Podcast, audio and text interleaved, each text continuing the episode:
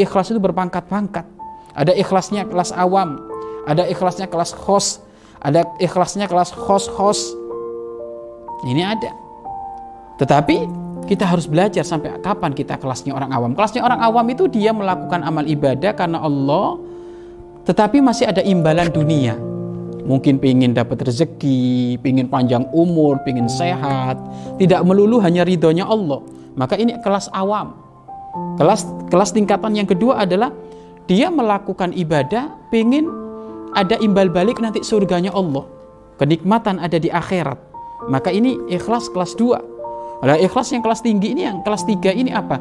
Dia melakukan itu bukan karena pingin dunia, bukan karena pingin akhirat, tapi murni karena Allah. Murni karena Allah dan memang ini agak berat.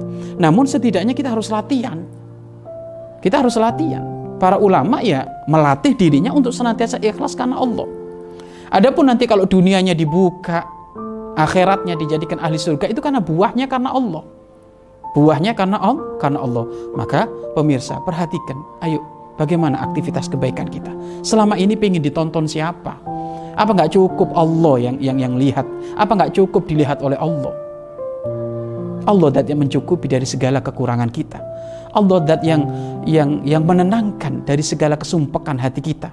Allah dat yang memberikan solusi dari segala permasalahan kita. Maka cukup kita ingin dipandang Allah.